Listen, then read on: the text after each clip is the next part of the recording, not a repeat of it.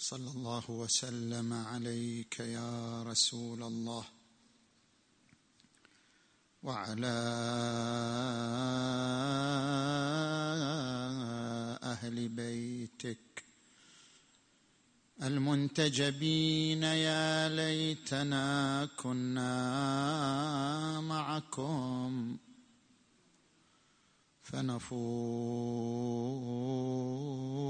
فنفوز فوزا عظيما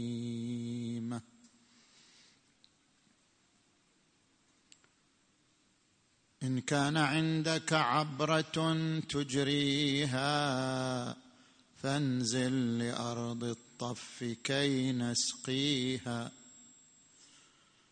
فعسى نبل بها مضاجع فتية ما بلت الأكباد من جاريها.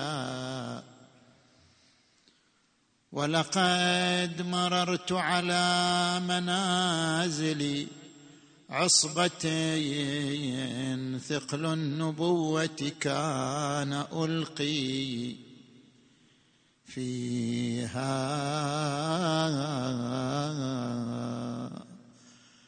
فذكرت إذ وقفت عقيلة حيدر تشكو لواعجها إلى حامي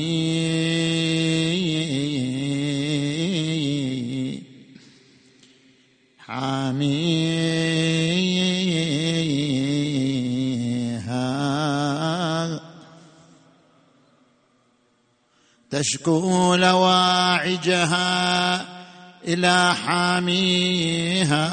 تخفي الشجاج لدا فإن غلب الأسى ضعفت.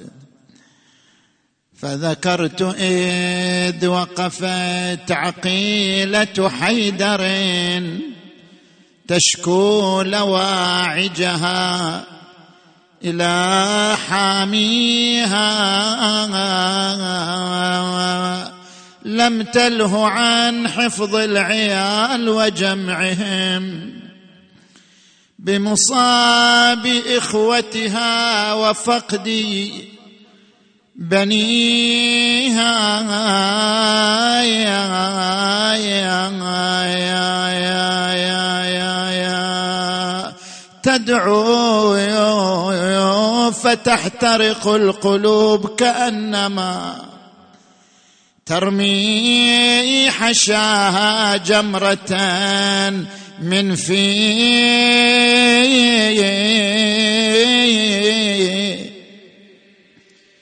من فيها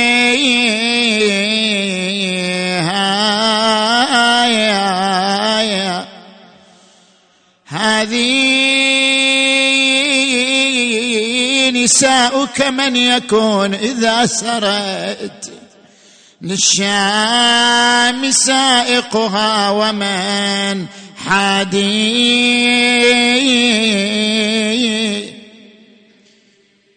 حاديها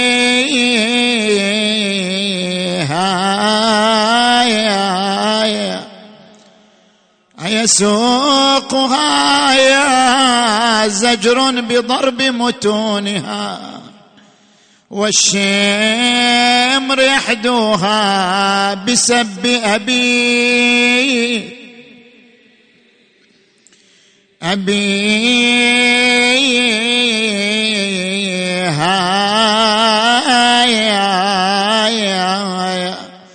عجبا لها عجبا لها بالأمس أنت تصونها.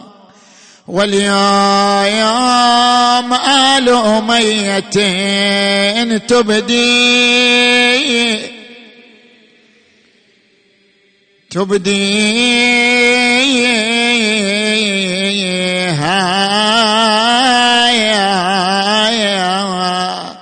خويا خويا لا تقول ما عندي مروة ولا تقول ضيعت أخوة ترى زجر سحبني اليوم قوة. إيه والله وساط على متني. متني. تلوى. يا يا يا أعوذ بالله من الشيطان الغوي الرجيم. بسم الله الرحمن الرحيم. ربنا هب لنا من أزواجنا وذرياتنا قرة أعين واجعلنا للمتقين إماما. آمنا بالله صدق الله العلي العظيم. انطلاقا من الآية المباركة نتحدث في ثلاثة محاور. في حقيقة التربية وفي أهداف التربية وفي المنهج العلوي في مجال التربية. نجي إلى المرحلة إلى المحور الأول. هناك فرق بين الرعاية والتعليم والتربية. لكل عنوان مدلول معين. الرعاية هي توفير الخدمات. توفير المسكن الملبس الغذاء التعليم. هذه الأمور إذا قام بها الأب تجاه ولده فهو قد قام بالرعاية. وفر له الخدمات. هذه ليست تربية هذه توفير خدمات. التعليم هو عبارة عن نقل المعلومة من ذهن إلى ذهن آخر. إذا قام الأب بنقل المعلومات إلى ولده أو الأم إلى ولدها هذه عملية تعليم.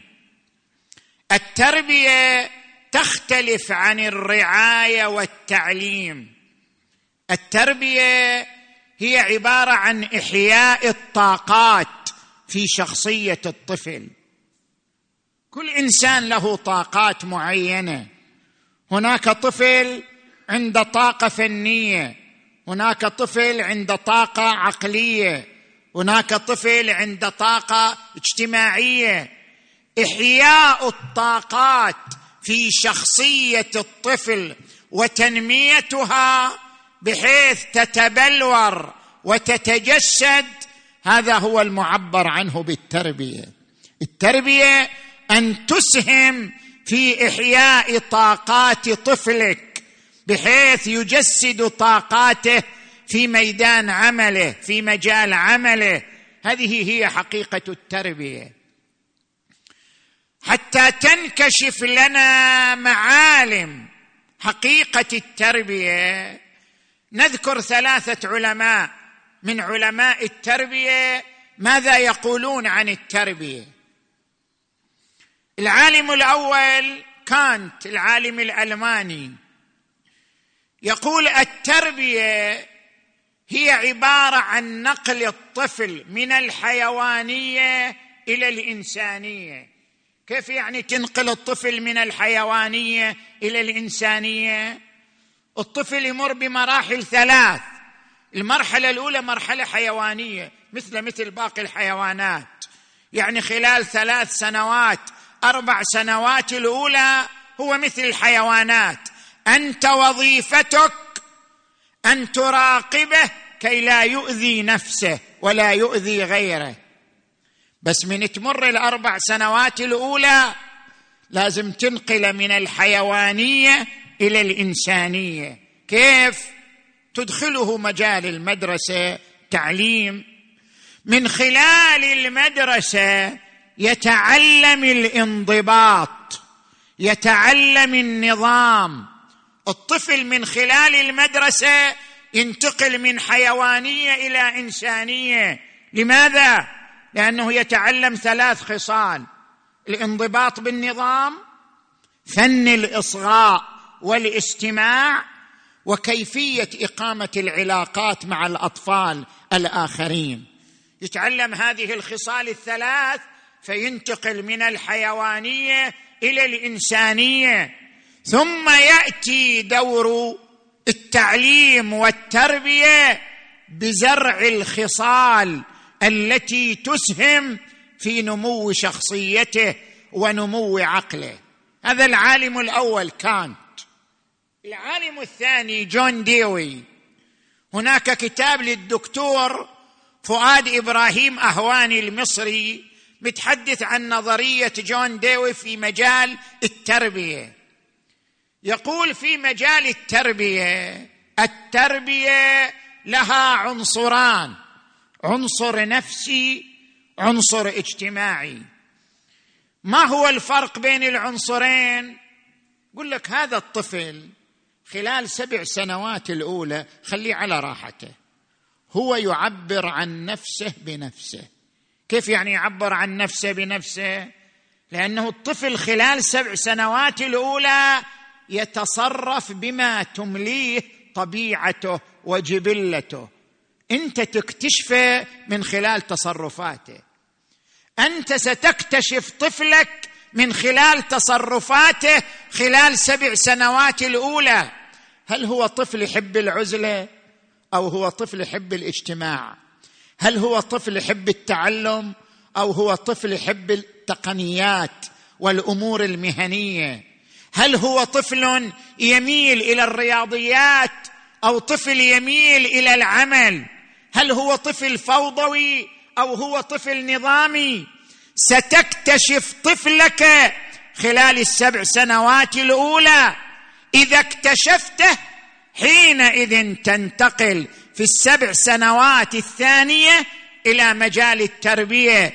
يعني بعد أن اكتشفت شخصيته على إثرها تحاول أن تنقله إلى العنصر الثاني وهو العنصر الاجتماعي يعني أن تحدد له العلاقات الاجتماعية التي تنسجم مع طبيعته التي اكتشفتها خلال السنوات الأولى.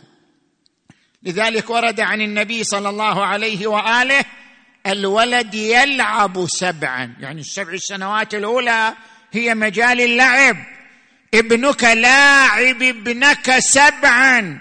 وصا وأدبه سبعا. في السبع السنوات الثانية تجي مرحلة التربية. وصا وأدبه سبعا. وصاحبه سبعا. عندنا عالم ثالث. غوستاف لوبون هذا عالم فرنسي درس الحضارات الشرقية وكان معجب بالعرب وكتب عن العرب عدة كتابات. قال لم أجد فاتحا أكثر تسامحا من العرب. العرب فتحوا عدة دول وتعاملوا بالتسامح وتعاملوا مع الأدب وعلموا الناس الأدب والحرية. وقال لا حضارة بلا أخلاق. كما قال الشاعر وإنما الأمم الأخلاق. إن بقيت فانهم ذهبت أخلاقهم ذهبوا. هذا غوستاف لوبون عنده أيضا تعريف للتربية. التربية هي عبارة عن نقل الفعل الإرادي إلى الفعل اللا ارادي خل أشرح لك هذا المعنى. حتى أشرح هذا المعنى أستشهد بعالم آخر. جون بياجيه هذا عالم سويسري أيضا في مجال فلسفة التربية. كيف يعني تنتقل الفعل من الإرادي إلى اللا ارادي أشرح لك هذا المعنى. يقول بياجيه التفكير على أربعة أنواع. تفكير تفكير حركي. وتفكير اجتماعي وتفكير غيري وتفكير مجرد. كل إنسان يمر بهالأربعة انواع من التفكير. التفكير الأول هو التفكير الحركي. يعني الإنسان خلال ثلاث سنوات أربع سنوات الأولى من حياته شنو يمارس؟ يمارس تفكير حركي. كيف يتحرك؟ كيف يأكل؟ كيف يتلفظ؟ كيف ينام؟ يتعلم الحركات المتعارفة الإنسانية فهو يظل أربع سنوات الأولى في التفكير الحركي. زين؟ بعدين تجي المرحلة الثانية. ينتقل من التفكير الحركي إلى التفكير الاجتماعي. من أربع سنوات إلى سبع سنوات ثمان سنوات يصير له اصدقاء من الأطفال فيكتسب من خلال محيط الأطفال التفكير الاجتماعي. كيف يقيم علاقات؟ كيف يكون مؤدب مع الناس؟ كيف يستجيب لهم ويستجيبون له؟ هذه تسمى مرحلة التفكير الاجتماعي. بعدين تجي المرحلة الثالثة. ألا وهي مرحلة التفكير الغيري. ثم تجي المرحلة الرابعة التي تهمنا ألا وهي مرحلة التفكير المجرد. يعني شنو التفكير المجرد؟ يعني يبدأ يتأمل. كان يعرف الأشياء خلال رموز. هذا اسمه مروحة. هذه اسمها آلة تصوير هذا اسمه كرسي. هذا كله تعلم للأشياء من خلال ألفاظ ورموز. أما إذا وصل مرحلة التفكير المجرد من سن أحد عشر يبدأ يفكر تفكير مجرد. يبدأ يفكر في أشياء لا لغة لها لا ألفاظ لها. ماذا وراء هذا العالم؟ هل هناك عالم آخر أم لا؟ هل هناك خالق لي أم لا؟ هل هناك حياة ثانية أم لا؟ يبدأ في تفكير أوسع من محيطه. أوسع من حياته أوسع من دائرته. هذا ما يسمى بالتفكير المجرد. في هذه المرحلة المهمة من حياة الطفل يحتاج إلى التربية. إذا وصل إلى مرحلة التفكير المجرد كيف؟ هنا يأتي دور الأبوين لينقلان الأفعال الإرادية إلى أفعال لا إرادية. شلون؟ يقول لك في العالم العربي مع الأسف أنتم كلكم تعرفوا أنتم آباء وعندكم أولاد في المدارس في الكليات في الجامعات. العالم العربي منهج التعليم في العالم العربي منهج فاشل. ليش منهج فاشل؟ لأن منهج التعليم في العالم العربي يعتمد على الذاكرة والمفروض أن يعتمد على الفن وليس على الذاكرة. منهج التعليم في العالم العربي يعتبر الطالب كمبيوتر يعبأ بالمعلومات فقط برميل تعبي فيه الأشياء. هكذا يعتبر الطالب. وتجي أيام الامتحان يطالب بأن يكتب المعلومات كما قرأها. كما حفظها. زين؟ هذا تعليم فاشل. هذا ما يخرج لك إلا كمبيوتر مملوء معلومات. بس ما يقدر يمارسها ما يقدر يطبقها على أرض الواقع. التعليم أن يعتمد على الفن وليس على الذاكرة. كيف يعني على الفن؟ يعني على روح روح التدريب والتطبيق. لابد أن تقترن المعلومات بمؤثرات صوتية ومرئية. إذا اقترنت المعلومات بمؤثرات صوتية ومرئية ترسخ المعلومة وتتحول من معلومة إرادية إلى معلومة لا إرادية. يعني شلون الآن إحنا طريقتنا في الخطابة؟ طريقتنا في الخطابة طريقة غير منتجة. ليش طريقة غير منتجة؟ لأن الخطيب يصعد على المنبر ويتكلم ساعة وهذا المستمع ربع ساعة ويا الخطيب ربع ساعة يلتهي عن الخطيب ربع ساعة الأخيرة يقول خلاص كافي نريد نقوم. إذا الطريقة طريقة الروتينية طريقة المنبرية الروتينية لا تنمي عند المستمع روح التفاعل مع ما يطرح روح التفاعل مع ما ينقل من معلومات. المعلومة لكي ترسخ وتتحول إلى طبيعة لدى المتعلم يمارسها بشكل أوتوماتيكي. هذه تحتاج إلى مثيرات صوتية ومرئية حتى ترسخ وتتحول من معلومة إرادية إلى معلومة لا إرادية. مثل اللغة تماما.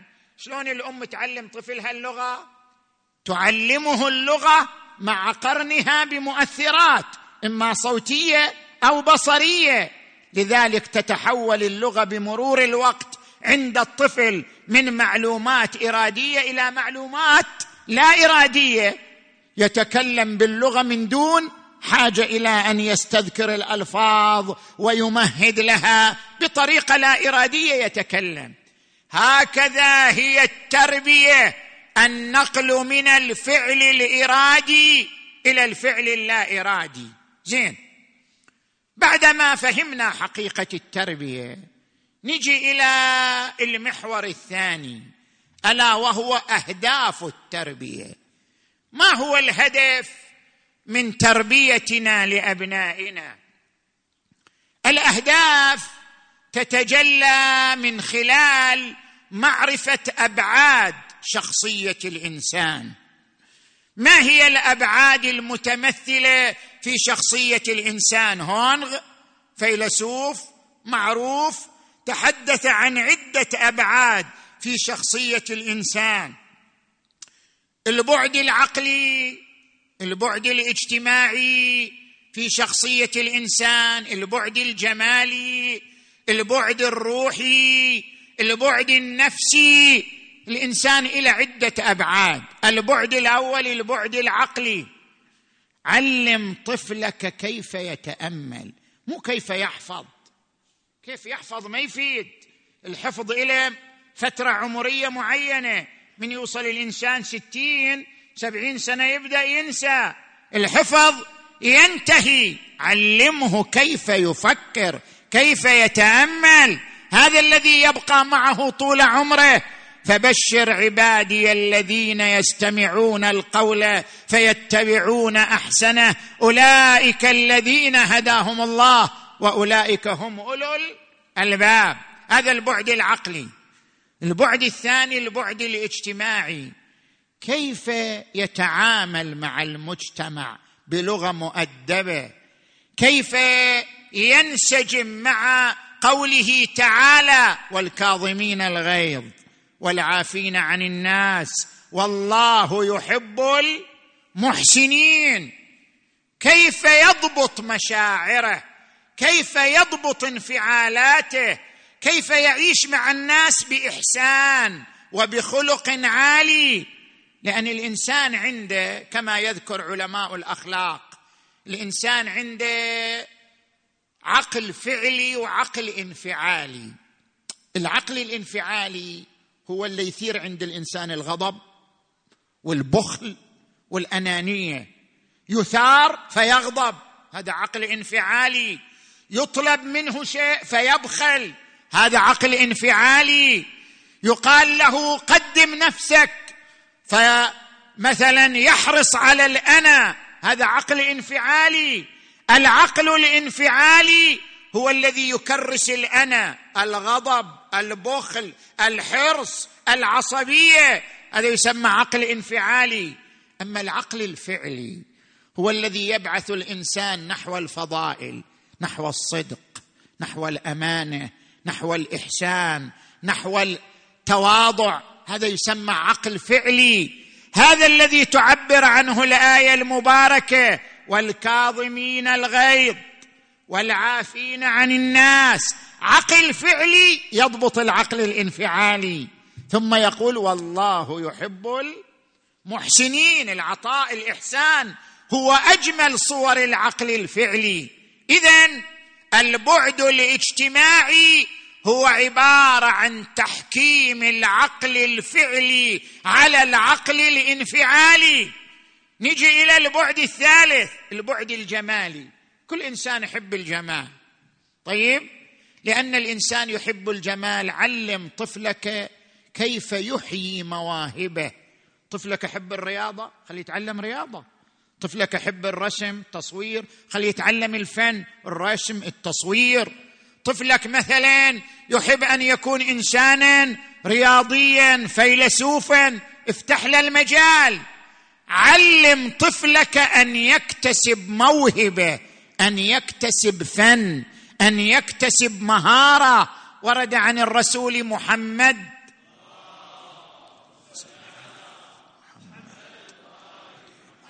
علموا أولادكم السباحة والرماية. وركوب الخيل. يعني خل عنده موهبة من المواهب يمارسها فن من الفنون يمارسه. السباحة أو الرماية أو ركوب الخيل هذه مجرد أمثلة. وإلا أمثلة الفنون والمهارات أمثلة كثيرة. هذا البعد الجمالي.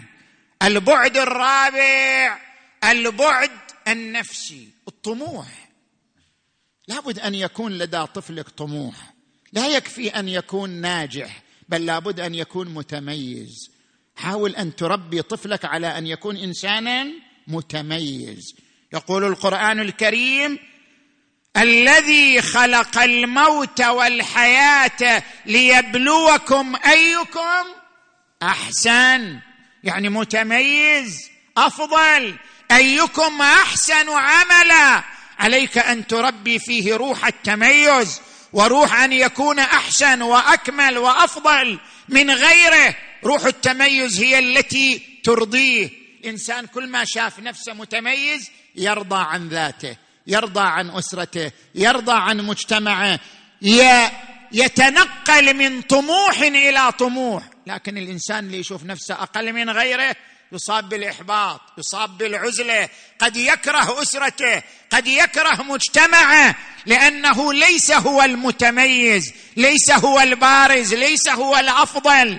علم طفلك على أن يكون إنسانا متميزا. البعد الخامس البعد الروحي. البعد الروحي كل مخلوق ولد على الفطرة. القرآن الكريم يقول فأقم وجهك للدين حنيفا. فطرة الله التي فطر الناس عليها. لا تبديل لخلق الله. كل إنسان ولد على الفطرة. يعني شلون ولد على الفطرة؟ ولد وفي قلبه ميل إلى ما وراء الطبيعة. في قلبه ميل إلى الفضائل. في قلبه ميل إلى القيم والمثل الإنسانية. ونفس وما سواها فألهمها فجورها وتقواها قد أفلح من زكاها وقد خاب من دساها. اذا تربية الطفل على تنمية البعد الروحي وغرس القيم والفضائل في ذاته وفي قلبه هدف مهم من أهداف التربية. نجي الآن إلى المحور الأخير. المنهج التربوي العلوي الذي نستقيه من تراث النبي وتراث الإمام علي صلوات الله عليهما وآلهما. كيف نطبق هذا المنهج التربوي على أبنائنا وأطفالنا؟ نجي إلى معالم هذا المنهج التربوي. المنع المعلم الأول مراحل النمو. مراحل النمو يتحدث عنها الإمام أمير المؤمنين علي عليه السلام. يقول ولدك ريحانتك سبعا وخادمك سبعا ثم هو عدوك أو صديقك. اختار. في السبع السنوات الأولى هو ريحانة طفل رقيق المشاعر يقر عينيك بلعبه بكلامه بقصصه هو ريحانتك ترتاح له. بعدين تجي المرحلة الثانية وخادمك سبعا. يعني شنو خادمك؟ يعني مستعد لما تقول. تعلم آداب تعلم دين تعلم ثقافة. هو خادم لك قابل لما تلقيه عليه من معلومات. وخادمك سبعا. ثم هو خلاص. كمل أربعة عشر سنة يدخل في مرحلة المراهقة مرحلة حساسة. إما عدوك أو صديقك. أنت حسب ما ربيته. إذا السبع السنوات الثانية حاولت أن تقترب منه أن تسمع إليه أن تعرف همومه أن تعرف مشاكله أن تعرف أوضاعه سوف يصبح صديقك. أما إذا السبع السنوات الثانية أنت مهمل إليه وما تدري عنه كله بحجة العمل. مو هالشكل الآن الآباء؟ من الصبح إلى الليل والله أنا مشغول بالعمل. ويرجع بالليل تعبان يريد يأكل وينام. والأطفال على أمهم أو على المجتمع أو على المدرسة. الأطفال تربيهم المدرسة يربيهم المجتمع. الأب مهمل ليس عنده وقت. للجلوس مع أبنائه. ليس عنده فرصة للحديث مع أبنائه. نعم عنده فرصة يطلع مع أصدقائه ويطلع مع الشلة وروحي مثلا يارجل ويرتاح ويستانس. هذا عنده وقت. زين عادي عادي أن يسهر خارج البيت إلى الساعة الثانية عشر إلى الساعة الواحدة. هذا عادي. أما أن يجلس ساعة أو ساعتين كل يوم مع أبنائه ليعلمهم ليزرع فيهم القيم ليزرع فيهم المعارف. ما عنده وقت لذلك. ما له خلق. هذا بعمله يحول أبنائه من أصدقاء إلى أعداء. ثم هو عدوك أو صديقك. انت اختر شخصية ولدك بنفسك. من خلال السبع السنوات الثانية وورد عن الرسول محمد.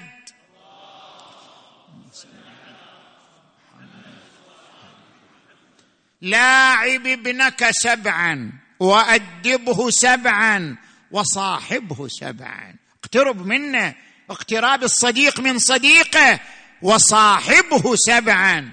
اذا هذه هي مراحل النمو. المعلم الثاني مواكبة الروح. شوف إحنا الآن في شهر رمضان المبارك.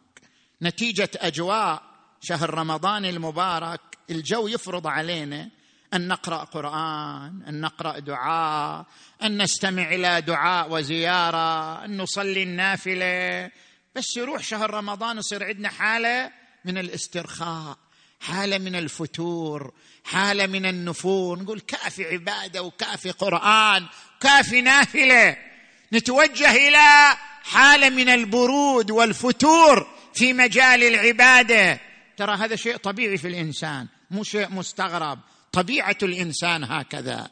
ورد عن الرسول صلى الله عليه وآله للقلوب إقبال وإدبار. فإذا أقبلت اغتنمها. ما دام هو شهر رمضان والقلوب مقبلة فإذا أقبلت فاحملوها على الفرائض والنوافل. غذي طف غذي روحك بالنافلة بالقرآن بالدعاء بالمناجات. وإذا أدبرت انتهت هذه الفترة انتهى هذا الجو العبادي فاقتصروا بها على الفرائض. واكب روحك. الروح مثل الموج. يصعد وينزل يحتاج إلى مواكبة. ورد عن الإمام علي عليه السلام إن القلوب تمل كما تمل الأبدان. شلون الأبدان تمل؟ كل يوم مثلا عندك أكلة معينة خلال شهر رمضان كل ليلة على مائدة الإفطار يجيبوا لك أكلة معينة. أنت تمل كل ليلة كل ليلة من هذه الأكلة. إن القلوب تمل كما تمل الأبدان. طبيعة القلوب هكذا. اذا اكتشف طفلك متى يقبل ومتى يدبر. متى تكون له روح مقبلة متى تكون له روح مدبرة. حاول أن تكون تربيتك له في إطار إقباله وإدباره وهذا ما يعبر عنه بمواكبة الروح. زين؟ هذا المعلم الثاني. المعلم الثالث هو الأدب. الأدب مهم جدا. اليوم كثير من الآباء ما يهتم بأدب ابنه. ولذلك تشوف هذا الولد لا يحترم الكبير ولا يوقر ولا يتحدث مع أحد بلغة مهذبة. لأنه شنو؟ لأن هذا الطفل إما وقت كله في المدرسة ومع أصدقائه الأب ما يصحب إلى مجالس الكبار ليتعلم الأدب. الأب ما يصحب إلى المجالس العامة ليتعلم الآداب العامة. تربية الأدب عنصر ضروري في مجال التربية. الإمام أمير المؤمنين علي عليه السلام يخاطب ولده الحسن الزكي يقول بني إنما قلب الحدث كالأرض الخالية. الطفل أرض خالية. كلما ألقي فيها شيء قبلته فبادرتك بالأدب. اولا أدبتك فبادرتك بالأدب قبل أن يقسو قلبك وينشغل لبك. وجدتك بعضي بل وجدتك كلي حتى لو أن شيئا أصابك أصابني. الأدب مسألة ضرورية زين. المعلم الرابع من معالم التربية في هذا المجال هو تحكيم العنصر الملكوتي على العنصر الملكي. كل إنسان في عنصر ملكي وملكوتي. العنصر الملكي هو مجموعة الشهوات. عندنا شهوة الغضب عندنا شهوة الشره وراء الأموال عندنا شهوة الجنس عندنا شهوة هذه شهوات. مجموعة الشهوات هذا عنصر ملكي. مجموعة الشهوات يعبر عنها القرآن الكريم بالنفس الأمارة. وما أبرئ نفسي إن النفس لأمارة. أمارة يعني شنو؟ يعني تفرض نفسها عليك شوف الإنسان إذا صارت عنده حالة غضب ما يقدر ما يقدر يتحكم في أعصابه. يعني النفس أمارة عليه فرضت حالة الغضب عليه. وما أبرئ نفسي إن النفس لأمارة بالسوء إلا ما رحم ربي. هذا يسمى العنصر الملكي المجموعة الشهوات. وهناك عنصر ملكوتي موجود في كل إنسان. كل إنسان في داخله نور. في داخله نور ملائكي في داخله نور نقي في داخله نور يحبب إليه الخير والصدق والجمال والأمانة والحياء والعفة. كل إنسان في داخله عنصر ملكوتي يحتاج إلى تنمية.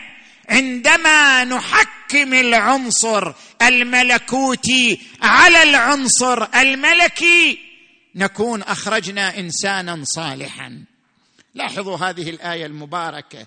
قوا أنفسكم وأهليكم نارا. أنت مو مسؤول عن نفسك. بعض يقول والله أنا نفسي. شنو نفسك؟ وأهلك شلون؟ قوا أنفسكم وأهليكم. نارا وقودها الناس والحجارة. عليها ملائكة غلاظ شداد. لا يعصون الله ما أمرهم ويفعلون ما يؤمرون. شلون إذا أنت عندك بالبيت ولد ما يصلي؟ ما حصلت الوقاية. شلون إذا بيتك يعزف فيه الغناء ويهجر فيه القرآن؟ ورد عن الرسول صلى الله عليه وآله إن البيت الذي يقرأ فيه القرآن تحضره الملائكة تهجره الشياطين يضيء لأهل السماء كما يضيء الكوكب الدري لأهل الأرض. وإن البيت الذي يعزف فيه القيان تهجره الملائكة تحضره الشياطين. أنت اختار كيف يكون بيتك؟ هل بيتك صوت الموسيقى دائما موجود ليل نهار؟ أو بيتك صوت القرآن صوت الدعاء؟ خصوصا في أيام شهر رمضان المبارك. حاول أن تغمر أجواء بيتك بصوت القرآن بصوت الدعاء. مو بالضرورة أنت تقرأ قرآن. خل شغل صوت صوت قرآن صوت دعاء. يحيي هذا الجو. حياة روحانية. تدري انت هالعمل البسيط انت تشوفه عمل بسيط انك تشغل صوت يقرأ دعاء لكن هذا العمل البسيط يملأ أطفالك بالروحانية.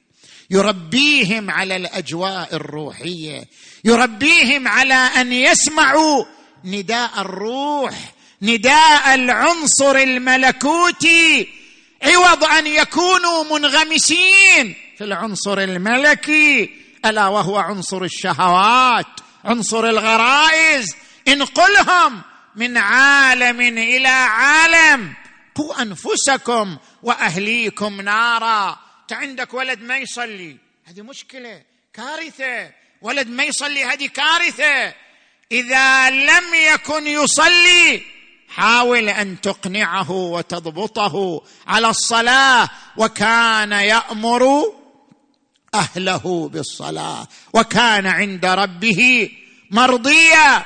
حاول أن تكون صارما حازما في مسألة الصلاة. مسألة الحجاب. والله بنتك قالوا بعد هي صغيرة بعد هي الا عمرها غير تسع سنين بعد هي صغيرة. شلون بعد تضايقوها وتكلفوها وتثقلوا عليها وتلبسوها حجاب وهي عمرها تسع سنين. وإذا عمرها تسع سنين يعني شلون؟ بالنتيجة هي مكلفة. إذا أكملت تسع سنوات ودخلت العاشرة فهي مكلفة عند أغلب الفقهاء. إذن هي تحتاج إلى أن تعلم الصلاة تعلم الصوم تعلم سائر التكاليف.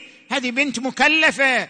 لا تقول أنا مو شغلي أمها أمها تضغط أمها تقول خليها خليها طفلة ترتاح. إذا صار عمرها 15 سنة 16 سنة بعدين الله كريم. لم يصير الله كريم. الله شديد العقاب. الله يحاسبك. الله يخاطبك أنت. أنت المسؤول عن الأسرة اولا وبالذات. أنت المخاطب بقوله تعالى قوا أنفسكم وأهليكم وأهليكم نارا وقودها الناس والحجارة. عليها ملائكة غلاظ شداد. انت مو مطلوب منك أن تكون تتعامل بالعصا وبالقوة؟ لا. تعامل باللطف تعامل بالإقناع تعامل بالروح الشفافة. اجلس مع طفلتك أقنعها بأهمية الحجاب بضرورة الحجاب. اجلس مع ولدك علمه بقناعة بالبرهان. أهمية الصلاة ضرورة الصلاة.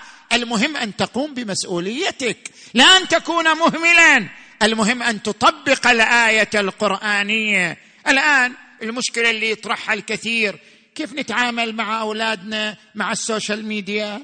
الطفل هذا منفتح على وسائل التواصل؟ ويستقبل من خلال هذا هذا العالم الافتراضي يستقبل معلومات وأفلام إباحية ودعايات مثلية وألوان وأشكال كثيرة يستقبلها الطفل من خلال social media كيف نتعامل معه؟ طيب هذه مسؤوليتك. مو مسؤوليتك أن تجي المأتم فقط لا. مسؤوليتك أن تجلس مع طفلك. والله أنا مسؤوليتي أروح المأتم وأشارك في إحياء ذكريات أهل البيت صلوات الله عليهم أجمعين. نعم لكن هناك مسؤولية أخرى. أنت مطوق بها ومحاسب عليها. ألا وهي أن تعرف ماذا ير... ماذا يشاهد أطفالك ماذا يشاهد أولادك ما هي المعلومات التي يستقبلونها من خلال هذا العالم الافتراضي؟ والله أنا ما أقدر ليش ما تقدر؟ ما أفهم افهم ما متعلم اتعلم تعلم كيف تدخل هذا العالم. كيف تراقب هذه المعلومات. كيف تراقبها وتقننها.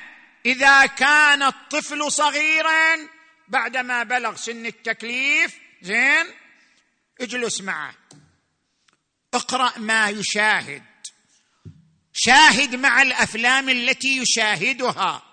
شاهد معه الاعلانات التي تصله. شاهد معه المعلومات التي تغرس في ذهنه بطريقة أوتوماتيكية مؤثرة. شاهد معه. اقرأ معه. اجلس معه. حتى يحصل لك معرفة بهذا العالم وبما يغذى الأطفال به من قيم فاسدة ومن قيم خطيرة ستؤثر على مستقبل اجيالنا الآتية كلها. لذلك وظيفتك أن تجلس معه. وإذا الولد لا صار بالغ ومميز ليست لك عليه ولاية. ولكن إذا ظهرت منه أفعال وأمارات تنبئ عن أنه يشاهد أفلام إباحية أو تنبئ أنه متأثر بأفكار مثلية تنبئ أنه في طريقه والعياذ بالله إلى الانحراف.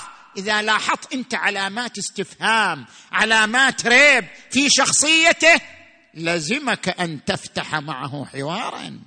لزمك أن تجلس معه. لزمك أن تتحدث معه. ما إلك شارة. مو ما, ما تقدر تقول مو شغلي. ما تقدر تقول هذا رجال وبالغ ويفهم. هو معك في البيت. هو ابنك. هو امتدادك هو ولدك.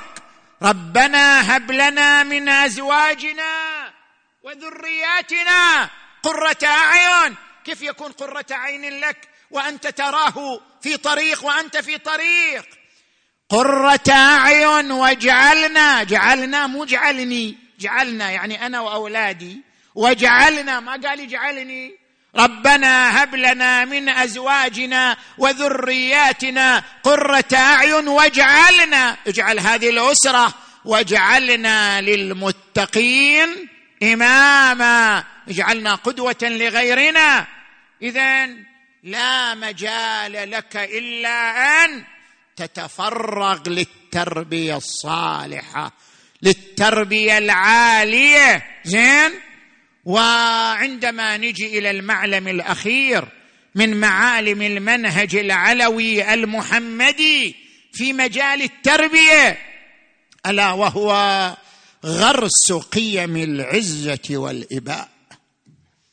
لاحظ هناك صفة مشتركة ركز عليها الرسول وعلي وأبناء علي ألا وهي صفة العزة والإباء.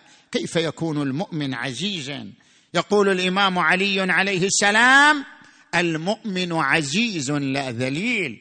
المؤمن هو الذي يفتخر بإيمانه يفتخر بأهل البيت يفتخر بولائه يفتخر ب ويعتز بتراثه العميق. المؤمن هو الذي لا يذل أمام أي إعصار أمام أي عاصفة أمام أي نازلة متمسكا ثابتا. على طريقه وعلى دربه درب الإيمان. هذه الصفة صفة العزة زين؟ ولله العزة ولرسوله وللمؤمنين. الرسول صلى الله عليه وآله يقول لو وضعوا الشمس في يميني والقمر في يساري على أن أترك هذا الأمر؟ ما تركته هذه عزة. حتى يظهره الله. أو أهلك دونه. علي أمير المؤمنين. علي عليه السلام. يقول لو أعطيت الأقاليم السبعة بما تحت أفلاكها على أن أعصي الله في نملة في نملة أسلبها جلب شعيرة ما فعلت. والله لو كان المال لي لساويت بينهم فكيف والمال مال الله؟ هذه عزة. وهذا الحسين بن علي يقول ألا وإن الدعي ابن الدعي قد ركز بين اثنتين بين الشله والذله وهيهات. منا الذله يأبى الله لنا ذلك ورسوله والمؤمنون. وجذور طابت. شنو الجذور؟ محمد. علي أبو طالب عبد المطلب في أعظم من هذه الجذور وجذور طابت وحجور طهرت. خديجة بنت خويلد فاطمة بنت أسد فاطمة الزهراء جذور طابت وحجور طهرت. وأنوف حمية ونفوس أبية أن تؤثر طاعة اللئام على مصارع الكرام. نعم. علي تجلت عزته يوم الطف في عزة أبنائه. كل أبنائه علي. العباس جسد عليا الحسين جسد عليا الأكبر جسد عليا. جسدوا عليا يوم كربلاء. تجلى علي في أبنائه. لذلك يقول الشاعر أبا حسن إن الذين عهدتهم ثقال الخطى إلا لكسب الفضائل. اعزيك فيهم يا لك الخير. إنهم مشوا للقاء الموت. مشية عاجل. أرادت بنو سفيان منهم مذلة. وذلك من أبناك. صعب التناول. متى ذل قوم انت خلفت فيهم إباء؟ به يندق أنف المجادل. نعمت بهم عينا فقد سار ذكرهم كما قد مشى معروفهم في القبائل. ويقول شاعر آخر أبا حسن إن الذين نماهم أبو طالب بالطف ثار لطالبي سجود على حر الصعيد. كأنما لهم في مناح الطف بعض المحارب أصيبوا ولكن مقبلين دماؤهم. تسيل على الأقدام دون العراقب. زينب بنت أمير المؤمنين ها هل خاطبت أباها يوم كربلاء؟ هل وجدت أباها يوم كربلاء؟ زينب يوم كربلاء لها خطابان خطاب لعلي وخطاب للنبي. الخطاب الأول لعلي كما يرويه بعض الرواة يقول ليلة الحادي عشر من المحرم هومت عيناها ها؟ فرأت في عالم المنام فارسا على جواده واقفا طرف الخيمة سلم عليها ردت عليه السلام. قال من أنت؟ قالت من أنت؟ شلون تسألني من أنت؟ نزل من على جواده واللثام على وجهه. لما نزل قالت أيها الفارس أما كفاكم أن حرقتم خيامنا وسلبتم نساءنا وآذيتم أطفالنا تنحى عنا. قال لها أما عرفتيني؟ قالت لا فرفع اللثام عن وجهه ونظر إليها. قال أنا أبوك أمير المؤمنين. الله أكبر ارتعدت فرائصها. اقشعر بدنها. قامت إليه تريد أن تحتضنه تريد أن تمسك به. وإذا به غاب عن عينها ووعت من غفوتها فلما نظرت رأت المكان خاليا من أمير المؤمنين. نادت أبا أبا علي. أبا علي قتلوا رجالنا. أبا علي هتكوا نساءنا. أبا علي حرقوا خيامنا. بقص المداين يا علي جهزت سلمان. واريت جسمه في القبر يا شيخ عدنان وابنك يظل مطروح لا غسل ولا كفان نعم صارت تخطو خطوة خطوة ها إلى أن وصلت إلى الجسد الشريف ها. لما رأت الجسد الشريف مضمخا بدماء. قد سقته الرمال. تدري ماذا قالت؟ قالت أهذا ابن أخي أهذا ابن أمي أهذا ابن أبي أهذا أخي حسين. الرمال كست جسمه الدماء غمرت جسده لم يبق منه عضو سالم. وصلت إليه مدت يديها نادت أخي حسين. لما شافت صفقت بيديه ويلي وشقت جيبها ويلي عليها. ما تنلا شافت وليها. راسه يلوح فوق الرمح بالبار يا شيال راس لا تلوحه. ونكس عن بقايا الروس رمحه. إيه والله أخاف يفوت ريح الهوى بجرحه. إيه وصواب عليه. يو يو يو يقوم